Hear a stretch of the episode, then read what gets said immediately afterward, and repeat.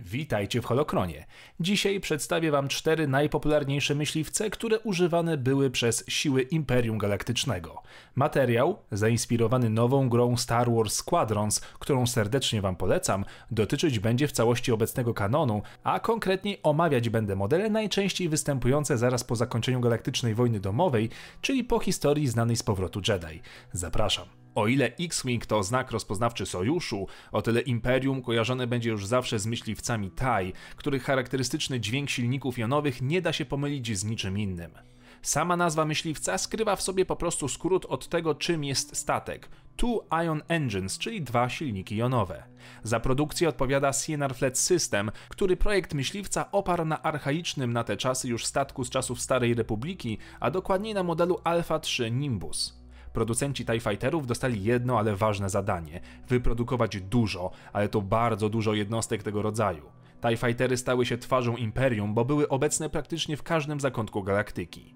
W myśl ilości, a nie jakości szły niestety spore ograniczenia myśliwca. Brakowało mu tarcz ochronnych, systemu podtrzymywania życia dla pilota oraz hipernapędu. W zamian jednak statek był niezwykle lekki, szybki i zwinny zarówno w przestrzeni gwiezdnej, jak i w warunkach atmosferycznych. Charakterystyczne skrzydła myśliwca są w rzeczywistości panelami do zbierania energii solarnej, co umożliwia statkowi odzyskiwanie energii nawet podczas walki. Dzięki temu myśliwiec mógł pluć ogniem znacznie szybciej i zacieklej niż choćby X-Wingi Sojuszu, przy okazji nie narażając się na zbytnie przegrzanie. Wbrew pozorom nie były to jednak jednostki stricte przeznaczone do wojennej ofensywy. Imperium korzystało z nich głównie w walce atmosferze planet, jako jednostki pomocnicze, ale przede wszystkim jako statki patrolujące i wykonujące szybki rekonesans. Ze znanych postaci pilotujących ten myśliwiec mamy Valena Rudora oraz Vulta Skerrisa, postacie doskonale znane wszystkim widzom serialu Rebelianci. Piloci Sojuszu czy Gwiezdni Piraci mogli nie obawiać się sił Imperium, ale każdy pilot drżał na widok tego konkretnego modelu. TIE Interceptor był niczym błyskawiczna, śmiertelna zjawa, która kończyła żywot wroga, nim ten dostrzegł statek na radarze. Sienar Fleet System produkowało masowo TIE Fightery, ale miało też w katalogu prawdziwą perłę, jeżeli chodzi o prędkość na polu bitwy i nieludzką wręcz zręczność. Design przypominający strzały czy też sztylet jedynie dodawał charakteru.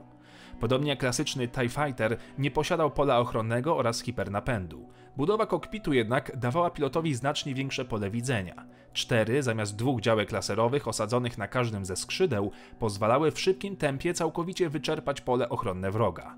Za sterami tych myśliwców Imperium sadzało tylko elitę swoich pilotów, by jeszcze bardziej zwiększyć zabójcze możliwości tego statku.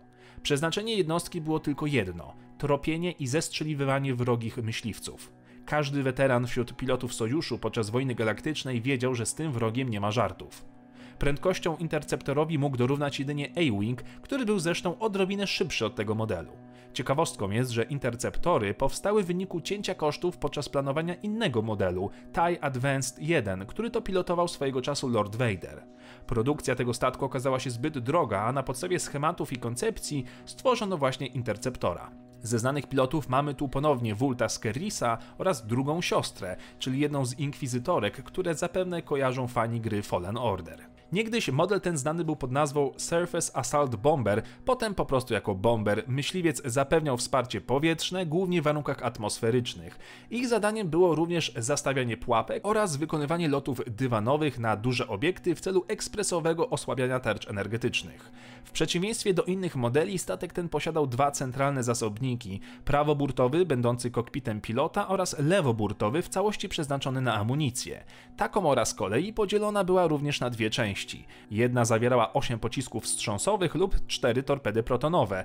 W głównej, tylnej komorze natomiast mieściło się albo 4 torpedy protonowe i 8 pocisków wstrząsowych, albo 8 bomb protonowych i 64 detonatory termiczne, albo też 6 min orbitalnych. Jeżeli trzeba było, można było zamiast amunicji upchnąć też tam paru szturmowców.